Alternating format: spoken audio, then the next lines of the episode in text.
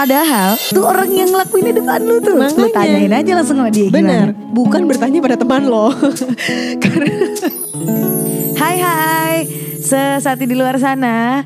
Eh, balik lagi sama gue Isel dan Lia, di podcastnya This is Sati. yes. Gimana kabarnya teman-teman? Semoga baik-baik aja ya. Stay safe everyone. Iya stay healthy. Gue tahu kita semua tahu pasti lagi jadi concern utama banget nih soal kesehatan, soal corona ini nih COVID-19. Lo gimana menurut lo kak? Tadinya tuh gue gak panik ya, gue biasa aja. Tapi terus kayak belakangan kayaknya gue harus mulai lebih concern aja sih. Maksudnya masih banyak hal yang mau gue lakuin di hidup ini ya. Jangan sampai terjangkit gitu kan. Maksudnya eh, jadi lebih bera- lebih ekstra banget sih merhatiin eh, kebersihan juga sama mengurangi keluar-keluar sih belakangan. Itu sih sebenarnya stay home adalah cara yang paling ekstrim untuk yang diambil untuk menjaga kesehatan. Betul, ya betul. selain cuci tangan pastinya semua hal itulah jaga kesehatan tidur cukup makan baik dan segala macam tapi stay home sih gue suka banget sama kemarin nontonin storynya uh, Asmara Abigail Hmm. dia ngomongin tentang tujuan kita stay home adalah untuk membantu uh, sistem kesehatan tenaga medis yang sedang bekerja gila-gilaan ini sih sebenarnya. Iya, iya, iya, Karena betul, pasien betul. tuh meningkatnya cepet banget dan makin banyak.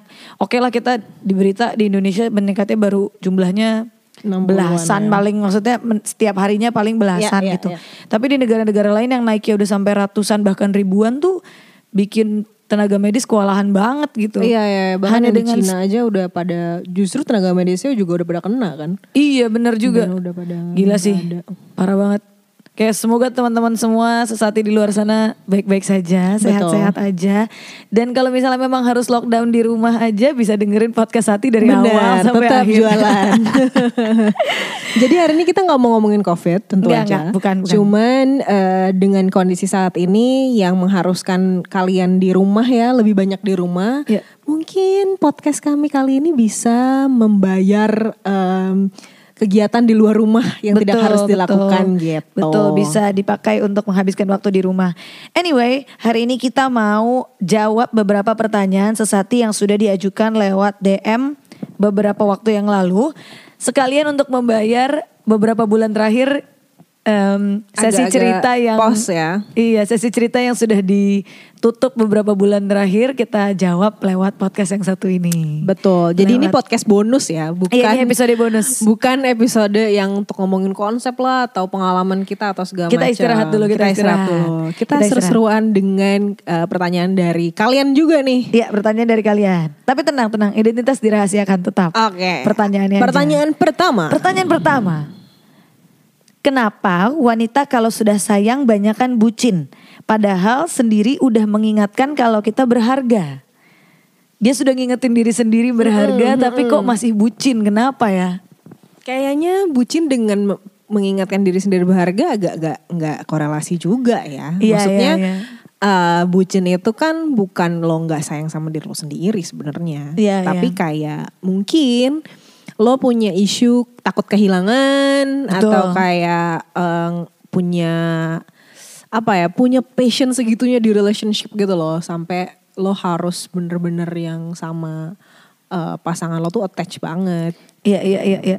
Menurut gue sih bisa jadi karena lo saat ini, oke bukan lo nggak berharga ya, tapi saat ini mungkin fokus lo ya hanya tentang relationship lo aja gitu, bukan em, bukan terhadap kehidupan lo di luar. Mungkin kurang seimbang kali itunya lo lo nggak punya fokus yang lain di luar relationship lo saat ini sehingga kesannya lo bucin banget. Apa pun yang lo lakukan waktu dan tenaga lo adalah buat si pasangan that's it gitu. Betul betul betul. Ini gue dulu ngerasain banget sih zaman zaman SMA kuliah ya. Di masa yang gue tahu fokusnya tuh cuman ya kuliah atau belajar aja gitu. Iya, Terus punya pacar kan. Padahal mungkin pacar gue tuh kan dulu ceritanya nih waktu aduh gue jadi curhat. Jadi dulu pas gue kuliah itu tuh gue kebanyakan kebanyakan kayak banyak pacarnya kak. Tiap Eh, minggu ganti. Enggak lah anjir gila. Eh mantan gue tuh lebih banyak yang lebih tua. Heeh. Jadi di saat mereka kerja, gue tuh masih kuliah. Kan kalau kuliah kan kita kayak cuma berapa jam doang di Iya. kampus gitu-gitu kan. Sedangkan kalau kerja kan lo bener-bener kayak 8 hours a day Iya, gitu. iya, iya, iya.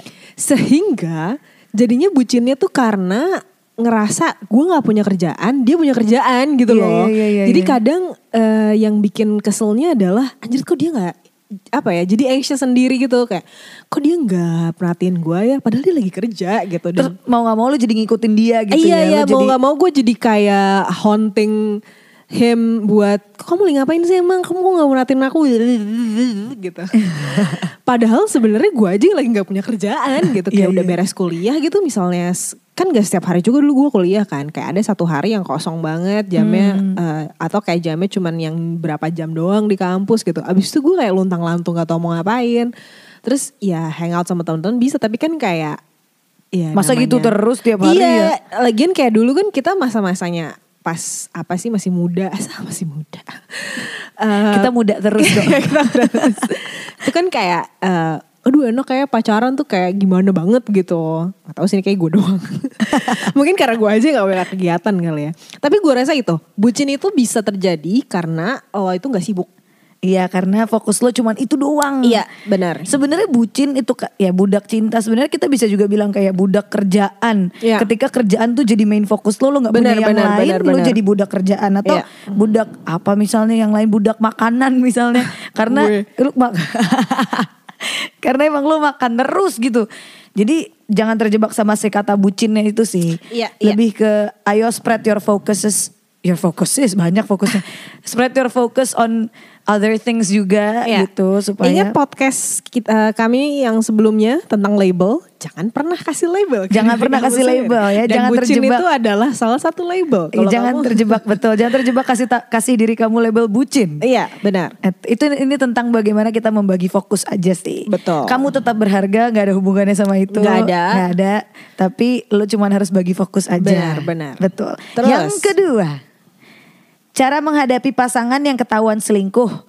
Aku masih bimbang mau memaafkan atau gimana. Silahkan monggo.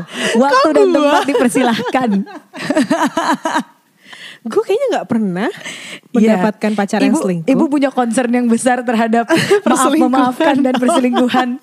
Anjir, kayaknya gue yang banyak selingkuh. Oh enggak deh enggak. Eh gimana? But- Penuh dengan pengakuan loh episode kali ini tuh. Jadi em, menurut gue ya, aduh gue tuh masalahnya gini, sel- selama kita hidup ya, selama kita punya eh, kedewasaan itu kan berkembang nih ceritanya. Jadi mungkin dulu pemahaman gue tentang memaafkan dulu dan pemaaf, pemahaman gue tentang memaafkan sekarang mungkin akan berbeda. Iya, iya. Kalau nanya gue yang dulu, gue pasti kayak udah lo udah harga mati lo selingkuh bye nek gitu Iya, kan. iya. gue nggak mau tahu lo urusannya apa segala macam gitu tapi gue melihat banyak banget eh, sekitar gue tuh yang yang yang belakangan eh, cerita nih tentang punya pasangan dan selingkuh dan segala macam gitu ya amit-amit sih ya jangan sampai pasangan gue juga sekarang nyelingkuhin hey you don't be dengerin dengerin episode kali ini loh awas. Eh, maksudnya gue juga nggak berharap dia selingkuh dan segala macam dan gue juga nggak nggak punya kelonggaran untuk eh, Kecurangan apa pun, ah, ah, ah, ya. ah, nggak ada yang mau juga gitu gue Iya. juga nggak mem- nggak memperbolehkan dia selingkuh gitu tapi kita nggak bisa buat apa-apa kalau misalnya memang dia selingkuh gitu dan soal memaafkan sebenarnya ya itu semua harus ditarik uh, berbagai macam alasan sih. Karena gue menemukan terutama di pernikahan ya banyak banget kan sekarang tuh orang yang uh, di perni- eh gini hubungan itu nggak gampang tentang dua orang gitu. Apalagi pernikahan yang for long goal gitu. Jadi kadang ada alasan-alasan tertentu kenapa dia melakukan perselingkuhan. Hmm. Em, yang mungkin eh, perselingkuhan itu dia nggak minute gitu loh. Kayak it's just caught in the moment terus misalnya nih misalnya yang gue temuin sih banyaknya memang cowok sih yang selingkuh di extramarital ya eh, di di pernikahan gitu Tapi bukan ber- berarti wanita nggak bisa ya? Iya iya benar benar Iya. benar. Jadi kayak eh, pria-pria ini tuh kebanyakan punya alasannya adalah ketika mereka punya anak dan ini memang ada faktanya juga secara eh, psikologis gitu ya. Ada datanya. Eh, ketika pasangan itu punya anak, kadang tuh concernnya si ibu ya itu lebih ke anaknya daripada Iya, iya. ke hubungannya mereka. Sehingga kayak eh, misalnya nih si suaminya minta hubungan intim gitu Iya. ya si ibunya tuh jadi aduh nggak ada capek apa segala macam gitu. Nah faktor-faktor itu sebenarnya yang mem- me- menjadi alasan si suaminya juga jadi nggak puas gitu loh. Jadi menurut gua perselingkuhan itu kan soal ketidakpuasan dalam hubungan ya. Hmm. Kecuali kalau emang orangnya punya gangguan mental yang nggak pernah puas ya Iya, tentang iya, iya, iya, tentang satu hubungan ya. Itu harus diperiksain ke psikolog ke psikolog gitu loh. Kalau misalnya kal- eh, dalam state yang mentalnya tuh nggak ada past issue iya yang nggak emang selingkuh setiap dia pacaran atau apa. Nah, itu berarti tuh ada kesalahannya juga di kita gitu yang diselingkuhin. Karena eh, it takes two to tango gitu. Kayak nggak mungkin dia akan melakukan itu kalau misalnya dia puas sama hubungan. Jadi menurut gua pertama lo harus evaluasi dulu sih sebelum Iya, lo mau iya. memutuskan lo akan memaafkan atau enggak. Evaluasi dulu hubungan kalian tuh sudah seperti apa. Iya. Terus gimana sikap lo ke dia? Apakah lo sebenarnya memberikan dia alasan untuk selingkuh atau enggak Iya, gitu? iya, iya. Terus eh, setelah itu baru deh lo bisa memutuskan kayak apakah dia bisa dimaafkan atau tidak gitu. Iya, iya, betul. Itu sih menurut gue. Betul sih, gue setuju sih. Kecurangan sih memang bukan sesuatu yang kita encourage sama sekali ya. Perselingkuhan kita tidak mengencourage itu.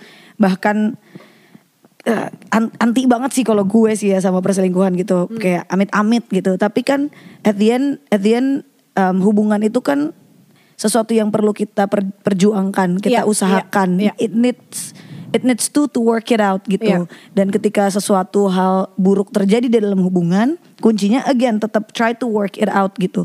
Eh, lihat apakah memang situasi ini tuh bisa diperbaiki, ada ap- alasan apa yang terjadi di balik ini. Kalau misalnya ternyata masih ada celah untuk diperjuangkan, dirasa masih bisa em, apa ya, masih bisa dicari solusinya lah. Tapi itu again solusinya dari dua sisi ya. Iya, benar, Maksudnya si benar. pelaku juga si pelaku yang selingkuh juga mau untuk em, Memperbaiki. memperbaiki yang dis- yang diselingkuhin juga mau mengevaluasi diri. Gue Iya. rasa sih kenapa nggak dimaafin gitu. Iya iya iya. Jadi em, lo biasa bisa bisa melakukan break sementara nih. Misalnya kayak setelah lo udah tahu nih dia caught eh, cheating, terus iya aku minta maaf. Misalnya nih yang yang selingkuh pasangannya udah udah minta maaf apa segala macam dan sudah menjelaskan eh, alasannya. Gak apa-apa. Kalian harus jeda aja dulu kayak sebulan dua bulan. Lihat segimana kalian berarti untuk satu sama lain Hmm. itu tuh sebenarnya bisa memperlihatkan kok eh, seberapa kalian memang meant to, to be with each other or, or, or not gitu loh. Ya. Dari situ kalian baru bisa refleksi bahwa oh ya ya dia berarti banget buat gue. Kayaknya kesal eh, semua orang pasti punya kesalahan, mungkin gue juga pernah punya kesalahan. Eh, kalau dianya juga masih sendiri ya, kalau si yang selingkuhnya juga masih sendiri dan nggak gimana-gimana, masih juga berusaha, menurut gue kayak kenapa nggak coba Iya. lagi gitu. Kecewa sih wajar sih pasti ya, kecewa Iya. wajar. Nah ini dari tadi yang kita omongin kan kasusnya kalau misalnya memang salah satu melakukan kesalahan. Eh maksudnya dua-duanya melakukan kesalahan. Kalau Iya. misalnya memang lo merasa lo sudah melakukan all you all you can for this relationship dan ternyata pasangan lo berulang kali menyelingkuhi lo, Baru. mungkin itu yang perlu Iya, iya, dievaluasi dia. hubungannya ya. Ah, ah, Kayak ah. emang ini worth it gak sih sebenarnya untuk diperjuangkan? Benar, gitu. benar, benar. Kalau memang kejadian kayak gitu menurut gue sih wajar banget kalau ada orang bilang kayak udahlah that's it gue Iya mau iya keluar gitu. benar-benar. Gue percaya kalau uh, memberikan kesempatan kedua, tapi gue nggak percaya kalau memberikan kesempatan ketiga, keempat, kelima, Kelima, keenam, ketujuh. itu namanya udah uh, habit jadinya. Iya apalagi kalau misalnya memang sudah disepakati duduk bareng untuk kayak oke ini cara ini solusi kita cara kita adalah untuk membuat relationship ini berhasil caranya begini. Iya. Ternyata masih dicurangin juga. Iya. Ya, ya udahlah ya. Ya udahlah ya, itu memang udah kebiasaannya Ya, aja, udah udah bisa berubah aja. gitu. Gitulah kira-kira. Jadi bagaimana keputusanmu? Oke lanjut. Yang ketiga. Kenapa wanita lebih sering menggunakan perasaan daripada logika? Ini kayak lagu Agnes Monica ya. Terus langsung Kadang-kadang tak ada logika. Terus gue langsung naik-naik kakinya gitu. asli. Gimana Sal? Coba. Eh, Lo kan yang kadang suka nggak pakai logika. Sebenarnya enak cuy nggak pakai logika cuy. Iya, Ya, lo iya, nggak perlu iya. mikir karena kalau lo nggak pakai logika ya, lo tuh badan lo memang secara otomatis akan-akan melakukan sesuatu gitu. Hmm. Karena lo nggak perlu mikir. Misalnya makan, itu kan berdasarkan bukan pada logika, itu nafsu gitu loh. Lo pengen makan, lo lapar, perut Hmm. lo lapar, kemudian nafsu jadi badan lo dengan sendirinya bergerak menuju dapur, membuka lemari es dan lo menemukan makanan lo makan. Iya. Rasanya enak kan, ringan gitu loh. Lo nggak lo nggak mikir kayak kalau gue makan ini gue gendut nggak ya? Kalau gue makan ini kalorinya berapa gitu nggak kepikiran. Benar, benar, benar. Jadi sebenarnya enaknya em, menggunakan emosi instead of logika adalah badan lo dengan ringan melakukan itu. Iya. Menurut gue itu sih yang yang yang yang membuat kita jadi mudah terjebak sama apa yang tindakan yang berdasarkan emosi bukan logika. Benar, benar, Karena benar. memang lebih mudah dilakukan. Iya. Dan secara penelitian em, neurologi dan psikologis juga bilang bahwa wanita itu menggunakan bagian otak eh, dan yang lebih kuat mengontrol perasaan daripada logika.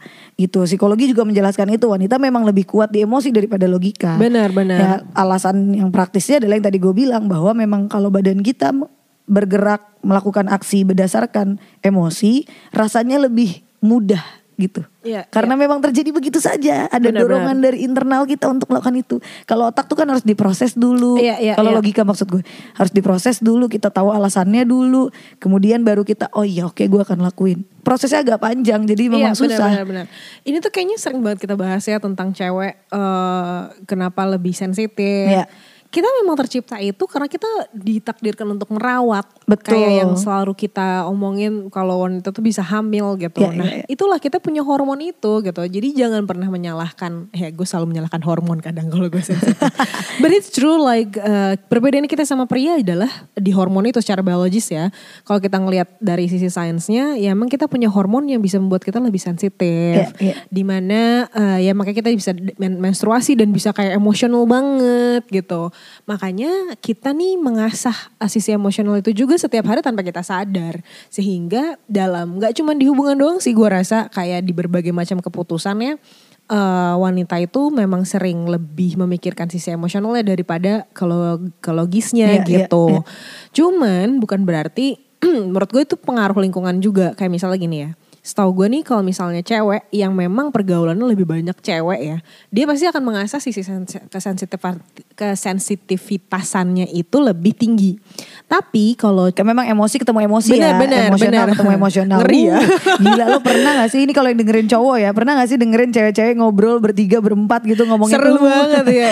Gila. Makanya kayak ada yang bilang sebenarnya lebih ngeri, ngeri ngeliat cewek berantem daripada cowok berantem. Bo. Iya gila. Gila emosi tuh udah kayak pada tingkat maksimal. Iya, kalau kalau cowok berantem cuman fisik, kalau kita udah mulut, ya kan, Iya, wih. jambak-jambakan. Waduh, ngeri Oke lah banget. mungkin pukulan kita nggak seberapa ya, Iya. tapi akan lebih sakit ketika lu dikatain pakai mulutnya cewek. Itu kayak Aduh, Uh, nyinyir, Bo. iya. Nah, sedangkan cowok, eh, sedangkan cewek yang lingkungannya banyak cowok, udah gitu memang misalnya tertantang untuk jadi pemimpin dari Iya. kecil misalnya. Terus memang berkompetisi sama eh, sama cowok misalnya di keluarganya itu race misalnya bokapnya atau kayak punya saudara banyak cowok.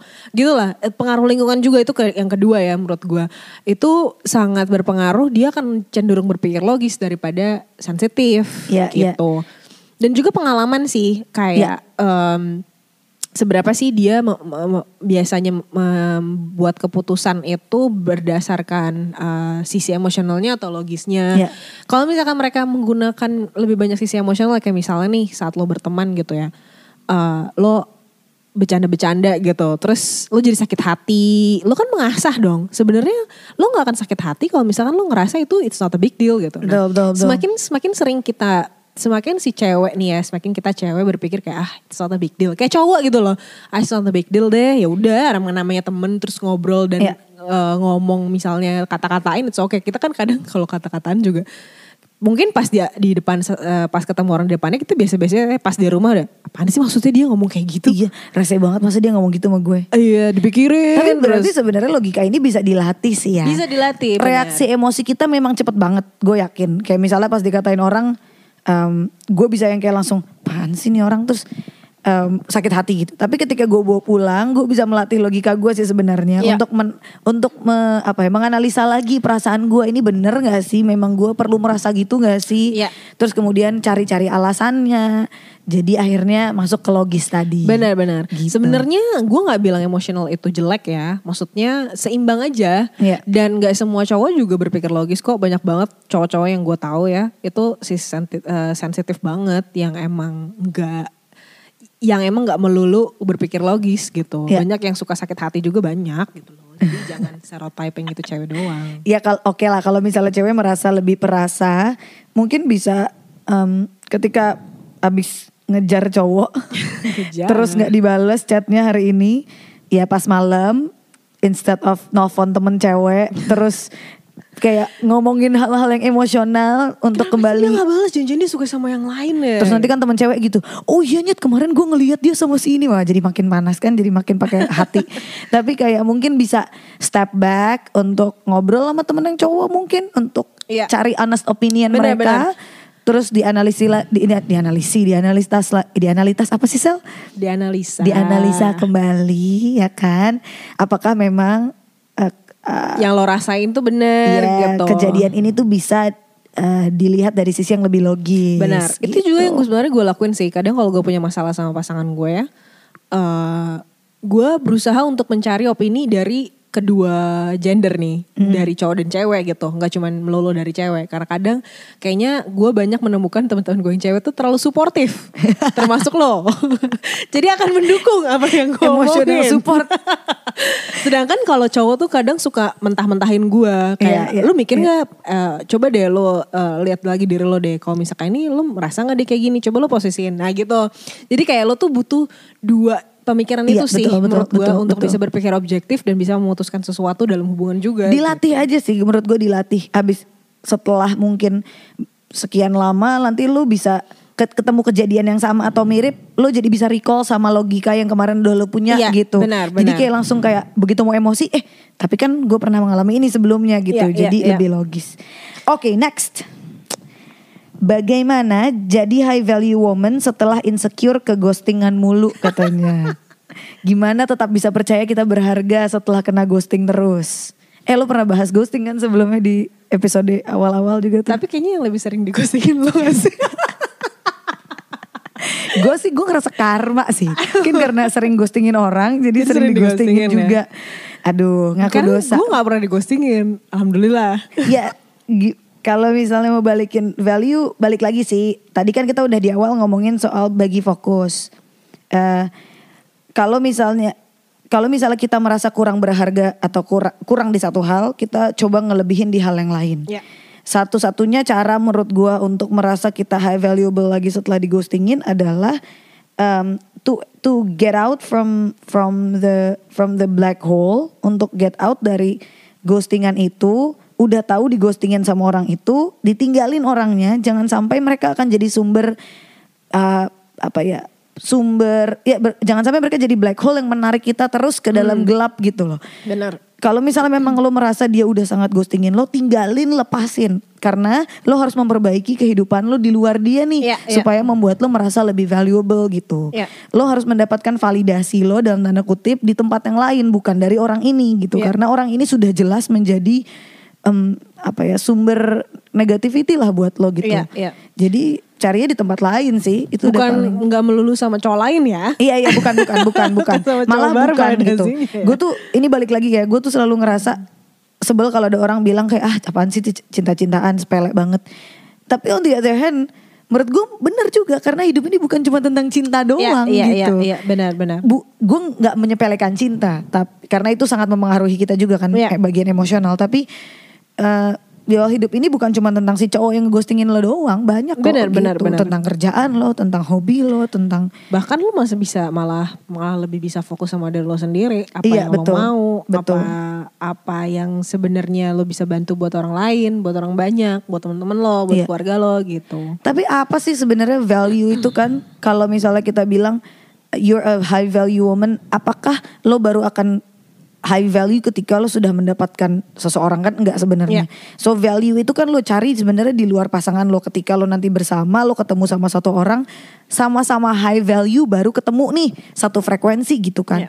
Jadi kalau memang lo merasa lo low value because somebody rejects you, somebody ghost you gitu, ya lo harus menemukan value lo lagi atau lo harus menyadari value lo lagi dengan keluar dari zona itu dan menemukan value lo tuh di mana sih sebenarnya gitu. again jangan terjebak sama label jangan ma- menginginkan high value woman karena kayak kalau lo bilang high ya itu tuh kata sifat bo Iya. kayak kembali lagi Iya. ke yang kita udah pernah omongin kalau lo memberikan standar itu sama diri lo sendiri lo akan pusing karena lo nggak tahu seberapa seberapa jauh sih sebenarnya standar high value woman itu seperti apa gitu Iya, iya. yang lo butuh tahu adalah lo menilai diri lo sendiri eh, apakah lo pantas disayangin kalau misalkan lo bilang pantas udah Ya kalau kalau misalnya lo bilang lo pantas berarti yang ngeghostingin lo nggak pantas Nggak pantas buat dapetin lo, betul. udah gitu doang gitu. Udah. itu aja tuh sebenarnya udah bisa bikin lo tuh high value untuk diri lo sendiri Iya, ya betul, betul. jadi kayak jangan terpaku misalnya nih lo dengerin kita nih high value eh, atau dengerin orang lain atau dengerin sumber lain yang bilang high value woman adalah orang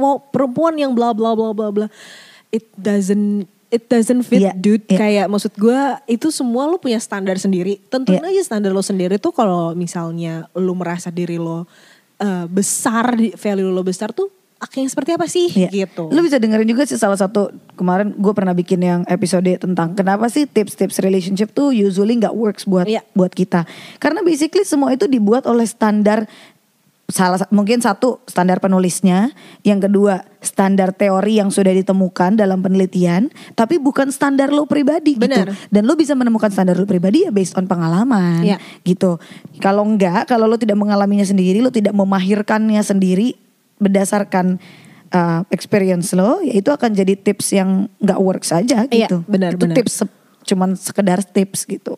mungkin sekarang yang bisa lo lakukan nih karena lo lagi di rumah misalnya ya Hmm. coba renungi kunci kamar nggak deng Eh, coba di rumah aja diem terus mungkin nih lo bisa nonton film-film tentang cewek nih misalnya Iya, iya. itu bisa jadi contoh bisa jadi inspirasi kayak misalnya lo ngelihat ada sosok dalam karakter itu yang eh, karir woman atau apa yang mesti punya keluarga tapi punya karir juga misalnya. Iya, iya. Nah dari film-film itu lo bisa tahu kayak lo jadi sortir nih. Oh gue kayaknya pengen deh jadi cowok yang kayak gini. Kayaknya gue Iya, pengen deh jadi betul. cewek yang kayak gini.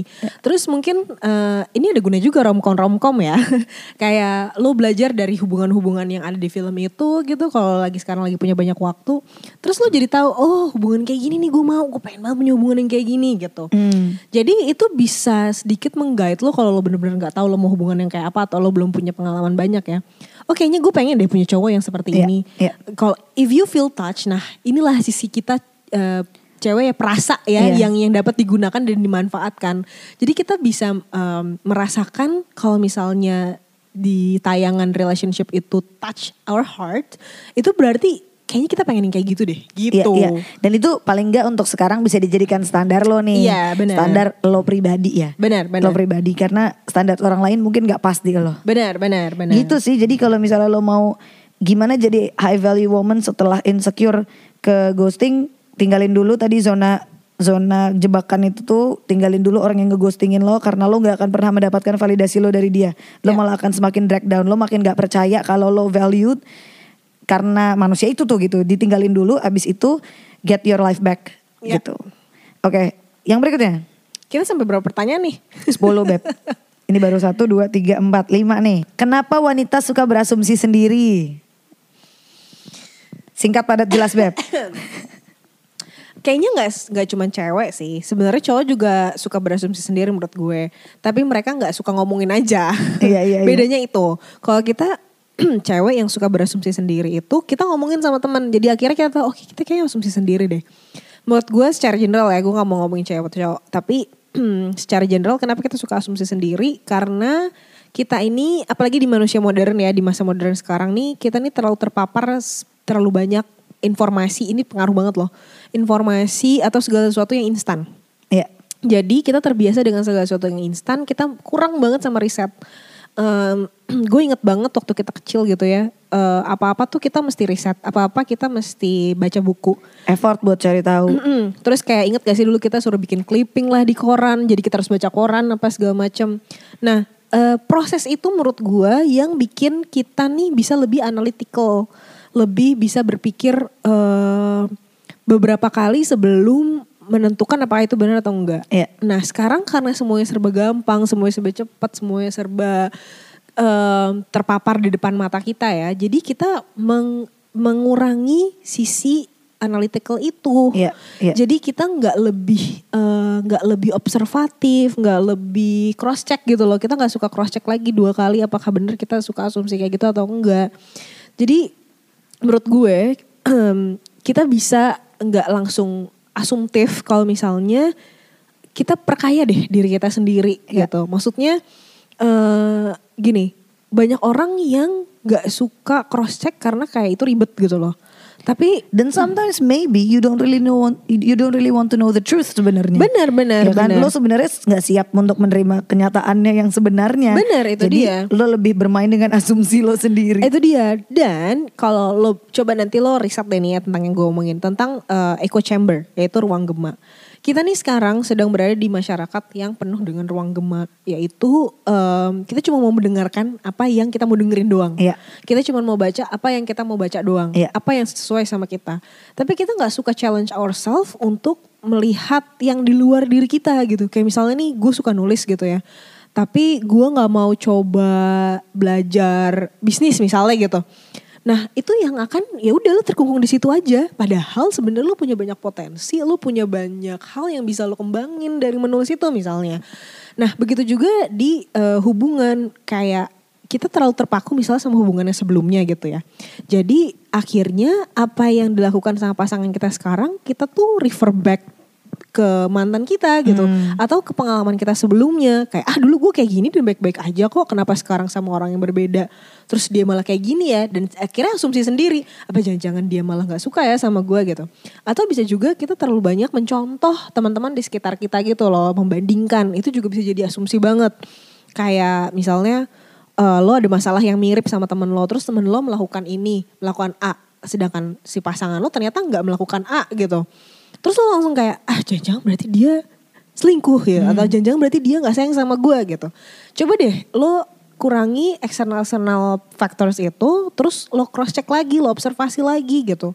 Dan kuncinya cuma satu again walaupun ini agak klise ya supaya nggak asumtif eh, kuncinya adalah komunikasi Betul. Tanya langsung. Tanya langsung, benar. nggak usah lo malah gini kalau lo punya masalah itu nggak eh, solusinya adalah menyelesaikannya sama pasangan lo bukan bertanya pada teman lo Iya.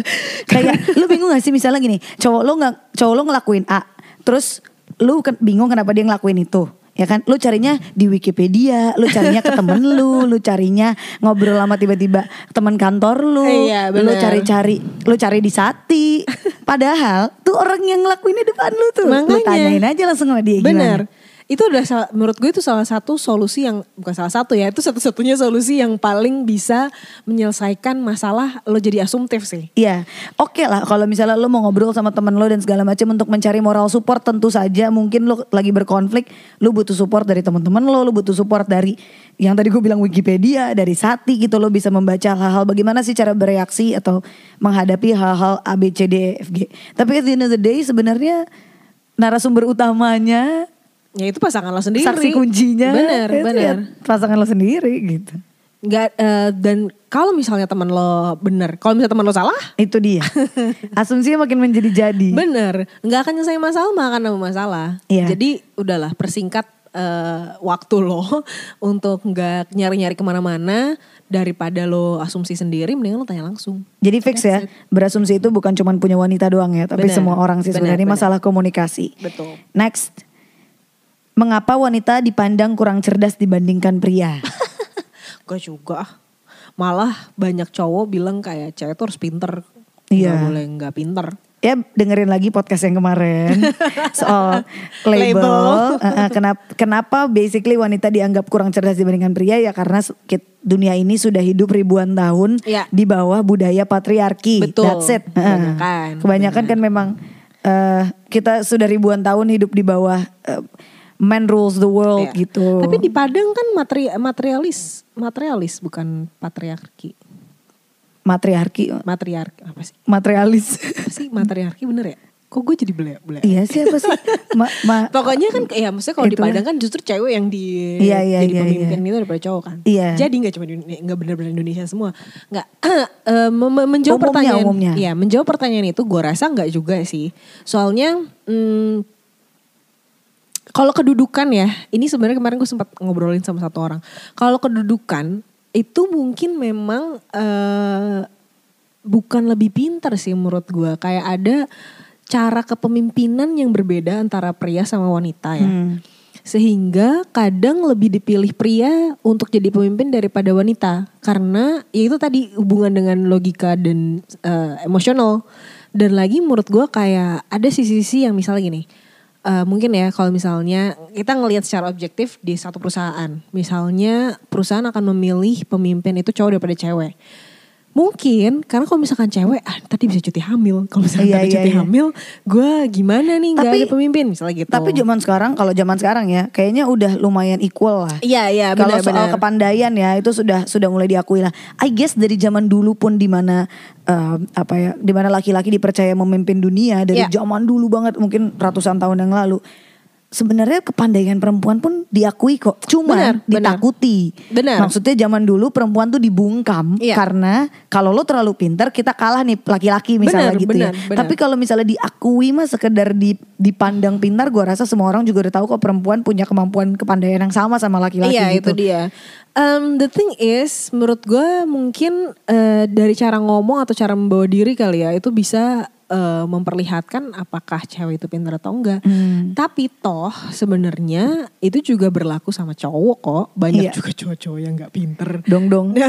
Maksud gue kayak kayaknya itu sekarang please don't stereotype Iya. uh, things like that dengan bilang kayak cewek dianggap gak pinter enggak. Gue menemukan cewek-cewek di sekitar gue semuanya pinter. Gak ada yang gak pinter gitu kayak hampir semua. Terus yang masalahnya pinter itu subjektif banget kan kayak yang kita ngomongin kemarin lagi gitu. Pinter dalam apa nih? Apakah intelektual? Apakah emotional intelligence? Apakah secara physically? Itu semua beda-beda gitu. Jadi eh, nggak ada takaran pinter yang pasti. Iya, ini lagi pula kita bakal ngomongin tentang wanita cantik dan cerdas mungkin di episode selanjutnya. Berikutnya nanti tunggu aja. Kita akan ngobrol bareng salah satu narasumber kita eh, yang biasanya training eh, pageant, training eh, Putri Indonesia. Jadi nanti kita bisa tanya- tanya-tanya sama dia tuh soal Benar, cantik benar, dan benar, pintar ya benar, kan. benar. Karena kan terkenal tuh Putri-Putri Indonesia cantik dan pintar. Jadi Iya. nanti kita tanya-tanya. Ini ini banget ya spoiler alert. Spoiler ya. alert. Yang berikutnya dulu nih.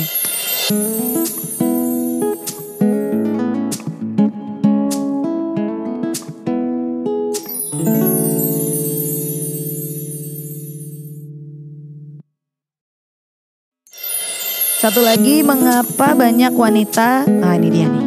Mengapa banyak wanita rela keperawanannya diambil karena alasan sayang? Ini jawabannya harusnya singkat nih. Mengapa tingkat sayang wanita dari 0 sampai 100 sedangkan laki-laki 100 sampai 0? Kembali ke podcast kami. Bersa- bersama dengan Nuran Abdat. Iya. Eh, itu udah dijelasin sama Nuran eh, kenapa bisa cewek dari 0 ke Ke 100 100. dan cowok 100 ke 0. Ada podcastnya di Betul. beberapa episode yang lalu. Di episode eh, ke bagaimana berada di fase bulan madu. Oke, bagaimana ber- berada di fase bulan madu kita akan ngomongin tentang tingkat sayang 0 100 100 0. Iya, silakan Asik. didengerin lagi. Waktu gue pertama kali lihat pertanyaan ini gue pikir ini kode apa robotik apa satu nol satu satu nol nol satu Ah, ribet. Oke, lanjut dulu. Tadi yang udah ya, tadi jawabannya udah ya, yang itu Benar, ya. udah. Nuran Abdat ya. Oke. Yang berikutnya, sebenarnya apa sih kak yang bikin laki-laki sekarang tertarik dengan wanita selain fisik? Harusnya nanya laki-laki ya, jangan nanya Iya. kita ya.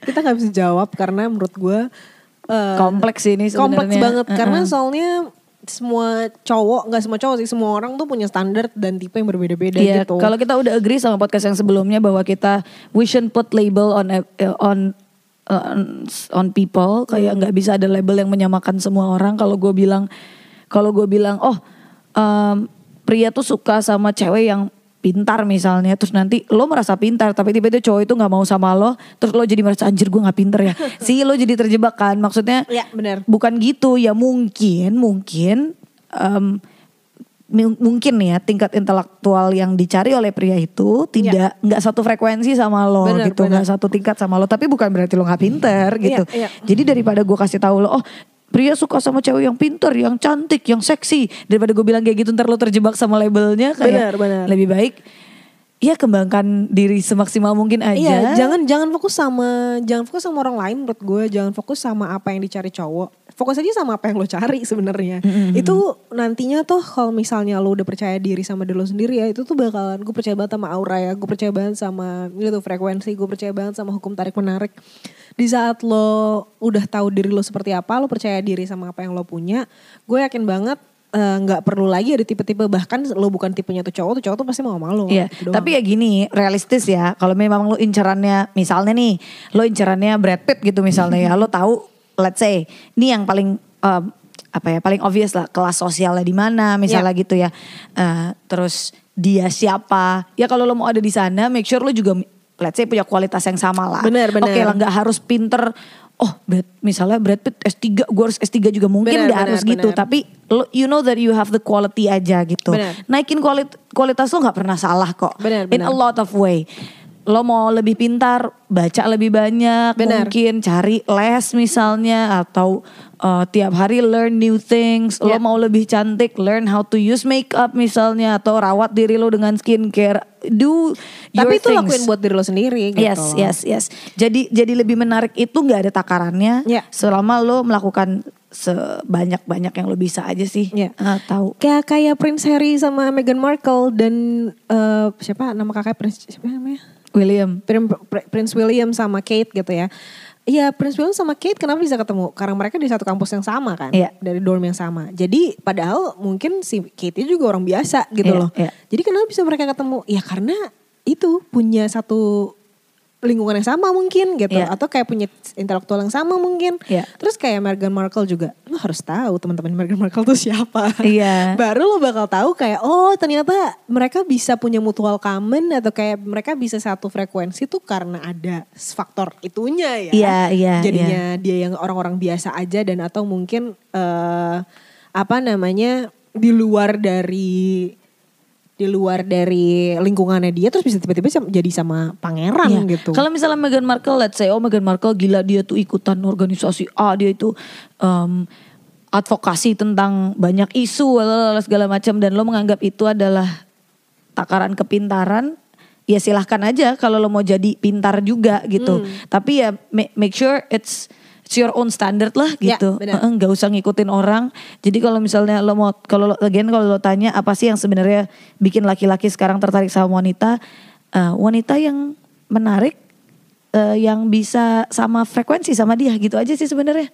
Eh kalau bisa ditanya sama frekuensi itu apa? Ter, again tergantung sama prianya. Mungkin ini kali yang orang akhirnya jadi bilang the one sama kayak konsep ojek lo waktu itu kan, go- eh, ojek online lo waktu itu ya. kayak begitu ada yang nemu pas sesuai satu frekuensi udah aja udah itu the one gitu. Iya, udah. benar. Gitu nggak doesn't matter lo ibaratnya gue nggak sekolahan, gue nggak suka dandan pun gue yakin ada pasarnya gitu. Benar, benar, benar. Gitu. Jadi ter- tergantung nih pria macam apa yang lo gaet, iya kan? Lingkungan seperti apa? Iya lingkungan seperti apa itu tergantung. Betul. Beda-beda soalnya. Oke next. Gimana caranya fokus di pendidikan saat asmara mulai mengganggu? Fokus di pendidikan saat asmara mulai mengganggu. Berarti milih satu nih maksudnya nih. Eh sebenarnya Atau kita harus menyeimbangkannya bagaimana? menurut gue kita kemarin tuh gue baru abis ya, interview ngobrol sama satu eh, Nazira Cenor kalau tahu Ya. anaknya yang pengen Cenor ya. Dia tuh salah satu orang yang bisa punya semuanya, kayak bisa punya anak juga, bisa punya jadi berumah tangga juga, tapi bisa jadi wanita karir juga dan segala macam. Dia bilang we can have it all kok, dan itu tuh gue kayak anjir bener ya. Sebenarnya semua orang tuh bisa punya segalanya. Maksudnya kalau emang lo percaya dan lo bisa nyimbangin ya, it's just the matter of lo mau atau enggak nyeimbanginnya dan gimana ngaturnya. Karena menurut gue semua hal tuh bisa diatur gitu loh. Ya. Eh, nggak bisa dikendaliin, tapi setidaknya lo mencoba untuk menyeimbangkan. Ya. Nah, antara pendidikan dan asmara ya. em, Sebenarnya kalau lo pendidikannya nggak segitu-gitunya banget yang sampai lo ber- berdarah daging ya, kayak masa lo di weekend nggak bisa sih ketemu? Iya, betul. Kayak kayaknya lo bisa hold em, bikin prioritas aja sih. Kayak menurut Betul. gue kalau misalnya lo lagi memang lagi exam atau lagi yang parah banget eh, harus harus belajar ya lo prioritasin belajar dulu gitu. Tapi sebenarnya tuh kembali lagi ke apa yang lo mau menurut Iya. gue. Kayak lo mau pendidikan tinggi nggak? Lo mau pendidikan lo berhasil nggak? Atau lo pengen hubungan lo yang berhasil? Mana duluan nih? Terserah lo Iya, sebenarnya gitu. Kayak dulu juga gue sering banget lo terganggu soal eh, aduh kayak gue masih pengen pacaran deh tapi gue harus besok ada ujian terus akhirnya ujian gue jelek gitu ya udah kalau misalkan emang ujian lo jelek dan lo nggak suka itu konsekuensi lo yang lo pilih adalah pasangan lo tapi kalau misalnya eh lo, lo, lo akhirnya memilih untuk eh kayak gue mesti belajar dulu deh. Kayaknya pasangan gue bisa kok ngasih tahu kalau kita ketemunya nanti aja atau gimana gitu ya. Konsekuensinya adalah mungkin dia akan bete. Jadi semua tuh pasti ada konsekuensinya tapi lo harus tahu tanggung jawab lo dulu apa dan prioritas lo tuh iya, apa iya. gitu sih. Dan again balik ke pertanyaan paling pertama soal bucin tadi, kalau lo harus memilih salah satu mungkin juga itu bukan solusi yang paling baik. Karena ketika lo gue mau pendidikan tok lo capek bosen juga lo ada saat-saat di mana lo Benar. mungkin capek belajar gitu kan nanti kalau lo terlalu dalam dalam pendidikan lo doang nih terus asmara ditinggalin sama sekali misalnya juga. lo malah nggak berkembang ya di satu sisi yang lain kalau lo fokus ke asmara doang satu-satunya pendidikan lo juga terbengkalai jadi Benar. kayak try to find the balance lah gitu sama kayak soal bucin tadi pertanyaan paling pertama Em, gimana caranya lo membagi waktu antar membagi waktu fokus dan energi lo Ya. antara pendidikan sama asmara lo ya weekend lah bisa buat pasangan lah gitu. Iya, atau kayak sorry nih aku belum bisa ketemu. Gimana kalau kamu jangan ganggu aku dulu misalnya seharian supaya PR ku selesai jadi besok kita bisa full ketemu Seharian, gitu iya. misalnya. Benar, benar. bisa lah itu bisa. Di Seharusnya bisa harusnya bisa harusnya bisa. Dibagi-bagi aja kalau memang kapasitas lo nggak besar lo udah kebagi sama pendidikan sama asmara ya make sure nggak keganggu sama yang lain lagi misalnya Benar. sama sama malas-malasan lo youtubean gitu kalau memang banyak kalau memang ini top two priority lo ya Ya. jadi yang lainnya udah langsung di drop down kayak oh ini bukan prioritas gue nanti gitu Iya. Next, tinggal dua lagi. Satu lagi, mengapa banyak wanita, ah ini dia nih. Mengapa banyak wanita rela keperawanannya diambil karena alasan sayang? menurut gua ya pribadi nih pribadi banget ya menurut gua lo nggak akan mau kalau lo nggak ngerasa enak karena gini em, kayak ini masalah agak sensitif ya maksudnya kayak kayak Oke, we don't talk this as a taboo thing ya. It's not really taboo gitu. Cuman kadang lo, gue ngerasa kayak cewek-cewek tuh suka playing victim sih dengan Iya, ngerasa iya. kayak, ah karena gue sayang gue ngasih deh. Well, lo mau kan? Hmm. Bukan karena lo takut ditinggal. Kayak lo punya hak kok kalau emang lo nggak mau. Tapi Iya basically mereka mungkin takut ditinggal. Iya. Cuman eh, berarti kan itu lo nggak berpikir secara apa ya? Nggak berpikir secara objektif kan? Which is dalam hati lo, lo mau gitu loh. Ngerti gak maksud gue? Jadi sebenarnya ada keinginan mau itu dulu sih sehingga lo memperbolehkan diri lo untuk diambil perawanan nih sama pria gitu. Kalau misalkan lo nggak mau nih, lo pasti bakalan kayak ya udah mau gue ditinggal kayak mau gue diapain gue nggak mau gitu loh. Iya. Jadi bukan masalah takut ditinggal sih menurut gue kayak eh, dan bukan karena nggak bisa ya lo bilang iya karena gue sayang jadi gue mau ya udah nggak apa-apa gitu. Well, Menurut gue mana yang lebih penting sih kak? Mana yang lebih penting? Maksud gue ma- ma- mana yang jadi lebih prinsipal buat lo? Keperawanan lo kah? Atau si rasa sayang ini gitu? Hmm. Kalau ketika lo mendahulukan si rasa sayangnya, then you should care whether whether uh, dia ambil perawanannya apa enggak gitu dan lo harus relakan aja tuh perawanan lo nggak usah di nggak usah lo pusingin maksudnya kan yang lo pentingin sayangnya tadi kalau let's say amit-amit si cowoknya meninggalkan lo setelah mengambil keperawanan Ya. lo then you should regret it karena lo mendahulukan si rasa sayang lo tadi Benar, benar, gitu. benar. yang harus lo bikin problem adalah nanti kenapa cowok ini meninggalkan gue instead of kenapa cowok ini ngambil keperawanan gue Benar. karena yang buat lo penting adalah si sayangnya tadi bukan keperawanannya Benar, gitu. benar. Kalau misalnya yang penting buat lo adalah keperawanannya dan lo merasa itu sangat sakral dan lo nggak mau dan lo nggak mau memberikan itu sama si cowok ini atau sama siapa pun dalam dalam kasus ini ya nggak usah dikasih. benar benar Udah, itu mana dia. yang lebih penting buat lo sih gitu. Kembali ke prinsipnya Sati ya kita nggak bisa ngendalin orang tapi kita bisa ngendalin diri sendiri. Iya, gitu. betul. Kecuali kalau dia maksa, nah itu udah kasusnya adalah kasus rape dan lo harus udah kayak anjir nih gue nggak bisa nih kalau dipaksa gitu. Maksudnya lo harus tahu ini bisa dikategorikan sebagai crime gitu loh. Iya. Tapi selama kayak misalnya gue nggak mau kayaknya ini belum waktunya, you can always say no loh gitu Iya, loh. iya, iya. Jadi nggak jangan bilang kayak embel-embel karena gue sayang jadi gue mau ngasih. Um, it doesn't make sense sih menurut gue. I think it's stupid kalau misalnya lo sampai menjadikan diri lo uh, korban hanya karena lo menyesal lo mau ngasih dan lo menurut gue itu kayak satu hal yang lo menyesal itu defense mechanism lo lo bilang ya karena gue sayang tapi sebenarnya lu cuma berpikir lu nggak berpikir smart aja sih menurut Iya, gua. Iya. iya. Eh, Gitu. ke- gue udah pernah bahas juga karena pernah ada yang curhat juga soal ini kan di su- suatu saat di story kayaknya udah gue taruh di highlight juga deh. Em, ceritanya adalah waktu itu dia pergi ke dia waktu itu dibawa ke tempat gelap sama si cowoknya kemudian cowoknya maksa untuk berhubungan tapi dia nggak mau gitu terus dia bingung gimana cara escape-nya karena tempat itu gelap banget dan akhirnya dia rela ya abis itu dia rela melakukan abis itu dia ditinggal sama cowoknya dan dia sedih banget.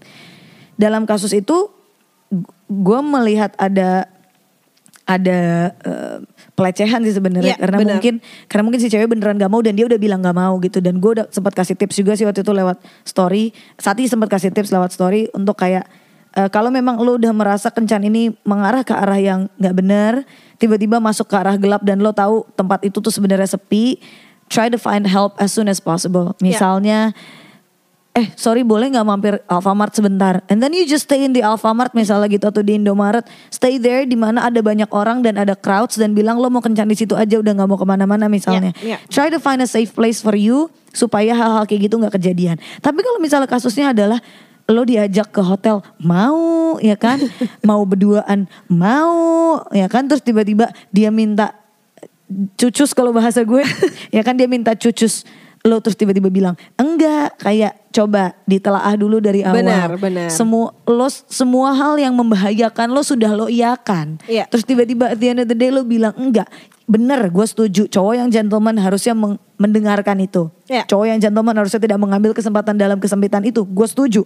Tapi maksudnya girls please protect yourself. Iya. kalau memang menurut lo lo nggak setuju dan lo nggak mau perawanan lo diambil jangan main api gitu sih Gue rasa kita tuh sebenarnya punya kok pikiran untuk melihat tanda ya. Iya. Kayak Ada misalnya- lah sense gitu kan. Pasti pasti. Itu kan eh, kayak binatang yang punya defense mechanism.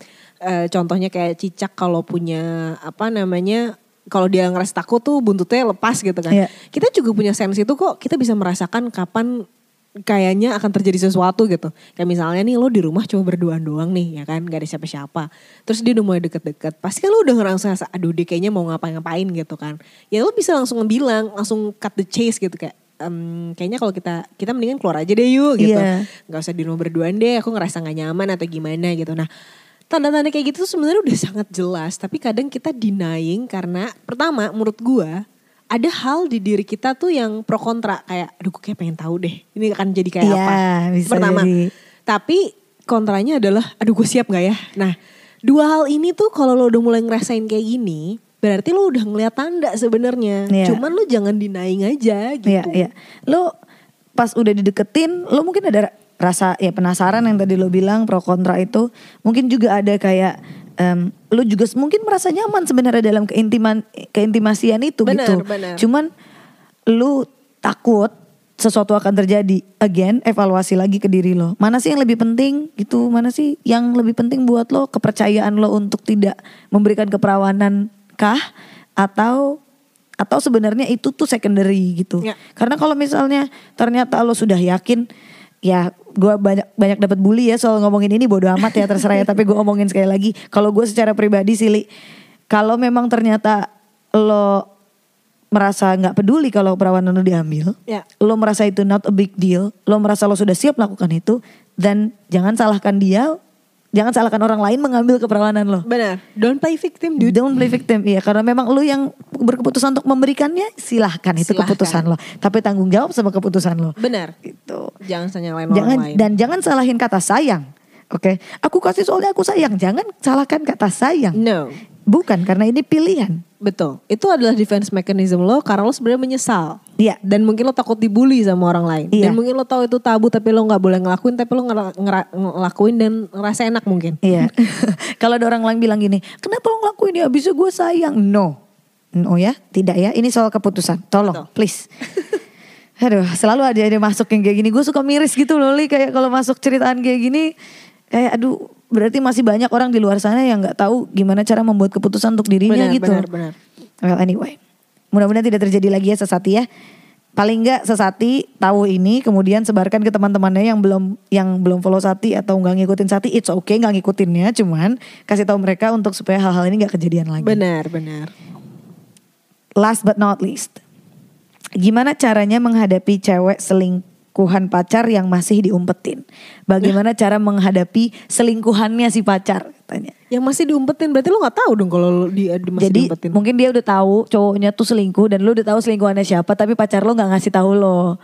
Terus gimana cara menghadapi si selingkuhannya? Mungkin ini maksud ceritanya konsepnya adalah Konsepnya. konsepnya cerita ini adalah konteksnya cerita ini adalah si dia kenal sama si selingkuhannya pacarnya kali. Ah mungkin ya ya. Jadi ya, ya. intinya menghadapi si orang ketiga inilah gitu. Kalau gua sih ya, lo tahu sih kalau gua apa? kalau gua sih gua pasti akan langsung beresin satu juga kayak gitu. Kayak maksudnya gini, pertama gue pasti akan ke pasangan gue dulu sih sebelum ke orang lain karena em, ini kan yang dalam hubungan ini gue sama pasangan gue kalau gue ya gue pasti akan nanya dia dulu sebelum akhirnya gue akan bawa ke dalam meja bundar untuk bertiga nih ngomongin gitu Em, gue akan nanya apakah benar dia kayak gini gini gini gini gini? Kalau misalnya emang lo ada perasaan selingkuh tapi gue harus come up with proof sih. Jadi lo harus cari dulu buktinya lo harus cari dulu witnessnya. Ya kayak lo berada di persidangan lah lo mau nyidang orang nih gitu. Lo butuh bukti lo butuh saksi. Kalau misalnya itu semua udah lengkap nih eh, lo gak cuma asumsi doang lo ngomongin deh tuh sama sama pasangan lo Iya. kalau gue sih pasti mungkin akan marah-marah ya walaupun gue tahu itu bukan jadi solusi yang tepat tapi Every- eh, everyone has their own approach lah soal menyelesaikan konflik ya. Cuman em, kadang ya kadang itu cara gue supaya kalau di sisi gue ya nih itu cara gue supaya si prianya juga langsung kayak ya udah ngasih tahu. Kadang soalnya kalau terlalu lembek ya dan orang itu bisa berkelit dan bisa kayak punya banyak banget alasan ya apalagi kalau cowok yang eh, at certain point yang udah tahu gimana playing the game Nih. eh, lu mau ngomong apa baik-baik tuh nggak akan mempan gitu. Menurut gua ya. Tapi nggak semua nggak mesti diikutin. Nggak mesti diikutin ya. setelah itu eh ya udah lu minta kejelasan terus baru deh lu approach si orang ketiganya ini. Jadi kayak menurut dia tuh gimana? Apakah lo emang ada dalam hubungan? Apa gimana? Lu maunya apa terus eh kalau gue sih udah pasti kayaknya gue bakalan udah mendingan gua nggak usah sih. Kayak daripada akhirnya itu akan jadi toxic buat hubungan gue. Apalagi kalau selingkuhannya gue kenal ya. Iya, iya. kayak I think I cannot easily forget what they do behind my back. That easy gitu loh. Mungkin it takes like one two three years or forever I don't know. Tapi kayaknya kalau gue sih kalau gue pribadi kayaknya gue bakalan mendingan gue yang pergi gitu Kalau gue mungkin punya approach yang lebih yang yang beda ya. Ya lo tau gue lah ya. Approach gue lebih slow. Gue gue lebih gue anaknya nggak suka marah-marah. Jadi kalau mungkin kalau gue ya, apalagi kalau gue kenal sama si selingkuhannya, benar kata lo tadi. Tapi step pertamanya gue setuju sama Lia. em, tetap hubungan ini adalah tentang gue dan pasangan gue. Jadi pasti akan dia duluan yang gue ajak ngobrol gitu. Iya. Gue nggak akan yang demi supaya gue tidak kehilangan ada tuh yang kayak gitu kan kasusnya. Demi supaya tidak kehilangan si pasangannya yang dimarah-marahin duluan adalah orang ketiganya. Ya. buat gue doesn't matter. Oke lah orang ketiganya hilang. Nanti kalau pacar lo nggak lo hubungannya nggak lo benerin nih orang mungkin pasangan lo bisa cari orang ketiga yang lain gitu kan. Iya, iya. lo akan cuman eh, ngabisin energi doang ngomong sama si orang ketiga. Tapi oke lah yang pertama adalah ngomong sama pasangan. Eh, ngomong sama pasangan gue and then mungkin yang berikutnya adalah eh gue akan cuman kasih tahu aja gue akan oh sorry. Step keduanya adalah gue akan make decisions for myself. Kayak apakah gue akan work on this relationship atau enggak? Karena kalau gue nggak akan work on this relationship gue nggak akan buang-buang energi gue buat ketemu juga sama si orang ketiga ini. Benar. Nah, maksud gue kalau misalnya gue rasa ah udahlah gue udah capek sama si cowok ini gue bakal putusin anyway. Bodoh amat lo mau sama orang si ketiganya ngapain gue juga gak akan ngabisin energi buat marah-marah sama si orang ketiga. Iya.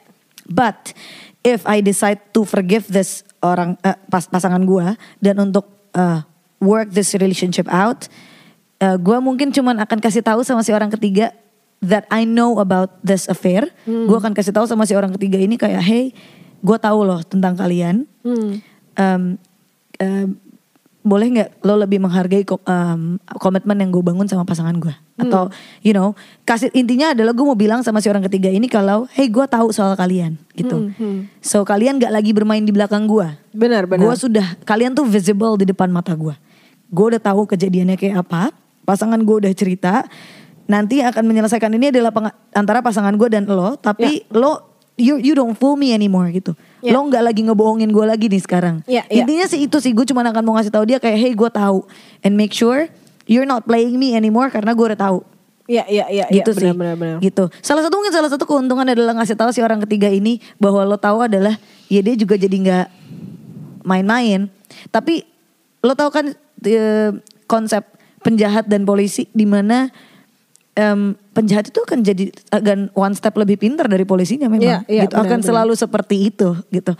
Hmm, polisi itu tugasnya adalah mencari modusnya, motifnya si penjahat. Tugas penjahat adalah mencari motif lain supaya nggak ketangkap sama polisi. gitu kan. So eh, kalau memang lo mau dealing sama si orang ketiga ini, selalu ada dua opsi. Ketika dia udah tahu lo tahu, dia akan mundur, or dia akan mencari cara lain untuk bersembunyi di belakang lo. Benar, gitu. benar, benar, benar. Eh, anyhow lo nggak bisa mengontrol orang lain, yang kontrol diri lo sendiri. Jadi mm, penting banget sih buat lo bicara dulu sama pasangan lo dan lo make sure lo tahu apa yang mau lo lakukan, whether lo mau work this relationship out atau lo mau keluar dari relationship ini be- sebelum lo approach si orang ketiga ini. Gitu. Iya benar. Soalnya gue pernah nih, gue ngeceritain satu pengalaman ya. Eh jadi gue yang dikira menjadi orang ketiga, dikira loh, dikira, baru dikira. Oke. Jadi pada satu masa ada satu pria eh yang kayak ngedeketin gue. Ya, it's very obvious ya karena kayak pria ini tiap hari tuh bawain sarapan ke ke depan kamar kosan gue. Eh, dia bilang eh dengan berbagai alasan lah kayak eh gue dapet diskon roti ini gitu di sini jadi lebih murah nih. Oh, gue buat pas lo, lewat lo, kosan lo gitu. Dia satu kosan sama gue. Oh, oke. Kamarnya sebelahan. Hmm. Terus udah nih, nah berapa lama ternyata tuh dia punya pacar, cuman pacarnya tuh di luar kota. Oh, Nah tiba-tiba si pacarnya ini datang lah, ya kan? Dan mereka sekosan bareng, satu kosan tapi nggak sekamar gitu. Terus me- mengetahui Jadi lu dan cowok ini dan si pacarnya itu satu kosan. satu kosan. Mantap. Oke. Nah gue nggak tahu kan kalau itu adalah pacarnya dia, karena kayak kita ngobrol tapi kayak cuma ngobrol gitu-gitu doang, nggak yang gimana. Gue juga nggak ngasih tanda kalau gue menerima. Maksudnya gue ada menanggapi gitu gue nggak gue nggak menanggapi malah gue cuek banget kayak apaan sih nih orang nggak jelas banget gitu gue nggak suka banget soalnya matansi matansi yang terlalu obvious Iya. kayak "Hmm, I need curiosity gitu loh Iya. Nah, terus eh pada suatu masa nih, jadi kita emang suka chattingan, tapi chattingnya itu bener-bener yang generic banget, bukan Iya. yang ada apa-apa segala macam. Si cewek ini kayaknya lumayan curiga sama gue. Nah, terus eh jeleknya adalah yang gue nggak suka banget ya. Dia tuh datang ke gue dulu sebelum dia ngomong sama si cowoknya ada apa. Jadi dia kayak slightly ngelabrak gue gitu loh. slightly ya gue bilang nggak ngelabrak. Tapi tiba-tiba dia ngetok kamar gue terus kayak Gue ngakak. serius serius gue gak suka banget sumpah. Eh, dia dia ngetok kamar gue terus dia langsung bilang boleh nggak gue ngeliat chat lo sama cowok gue ada apa Wow. gitu terus gue Tapi dia belum ngomong apa-apa sama cowoknya. belum. Jadi jadi tuh eh, si cowoknya ini kayak ngelock handphonenya tanpa passcode yang dia tahu. Terus tapi kayak dia sempat ngeliat gitu kalau dia sempat chattingan sama gue. Tapi kayaknya si cowoknya ini kayak bohong gitu lah masih ceweknya. Iya, iya, iya. Terus akhirnya gitu dia langsung ngetok terus langsung boleh nggak gue liat chattingan lo? Ya udah lihat aja maksud gue kayak ya gue gak ada apa-apa nih lihat gitu kan. Cuman yang gue nggak suka adalah it's your problem with your uh, boyfriend. Lu jangan bawa-bawa gue gitu loh. Kalau Iya. misalkan lu masih men- apalagi ini tahapnya masih mencurigai gitu loh. Iya. Kayak lebih baik lu beresin dulu deh sama sama pacar lo tuh lo kayak gimana. Jangan lo langsung eh, ke orang ketiga yang bahkan kalau dalam case gue adalah ngapa-ngapain gitu loh. Iya. Jadi maksud gue ada etikanya juga deh kalau misalnya lo mau eh bukan ngelabrak ya. Kalau lo mau minta kejelasan sama orang. Iya. Jadi ya yang pertama yang ada di circle lo dulu lah, yang pelaku dulu lah yang lo harus interogasi gitu loh maksud iya, iya, gue. iya, iya. Dan eh, oh ini mungkin bisa nyambung juga ke kalau misalnya em, apa kalau misalnya ada orang mu- gini. Sorry gue rephrase.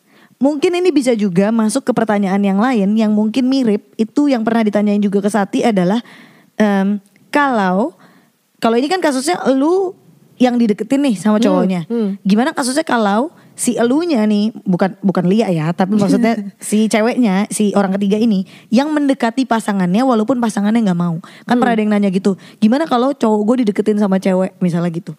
Eh, nyambung ke situ kalau kasusnya cowok lo yang dideketin menurut gue cewek ketiga ini nggak usah di approach sih. Kalau menurut Ya, gue ya. benar, benar. Karena ya kalau cowok lo kalau cowok lo nggak ngegubris, kalau cowok lo mm, bisa menghandle wanita itu dengan sen- dengan apa sendiri Ya. dengan menolak dia mentah-mentah ya udahlah biarin aja kasihan malah lo harus kasihanin dia gitu kasihan dia lo nggak dapet cowok gue gitu ibaratnya ya nggak sih itu kejadiannya kalau orang ketiganya yang deketin cowok lo tapi kalau memang cowok lo juga bersalah dengan selingkuh dalam tanda kutip dan lo yakin ya udahlah datengin cowok lo dulu lah Benar, Gitu. benar. benar sih kata lo harusnya si cewek itu nyelesain masalahnya sama cowoknya dulu lah Iya daripada langsung maksudnya gini kayak lu jangan bawa-bawa orang dalam hubungan lo karena kan sebenarnya yang punya hubungan lo sama dia sama aja kayak pasangan lo dengan orang ketiganya yang punya hubungan adalah dia dan orang ketiganya itu ngerti nggak maksud gue?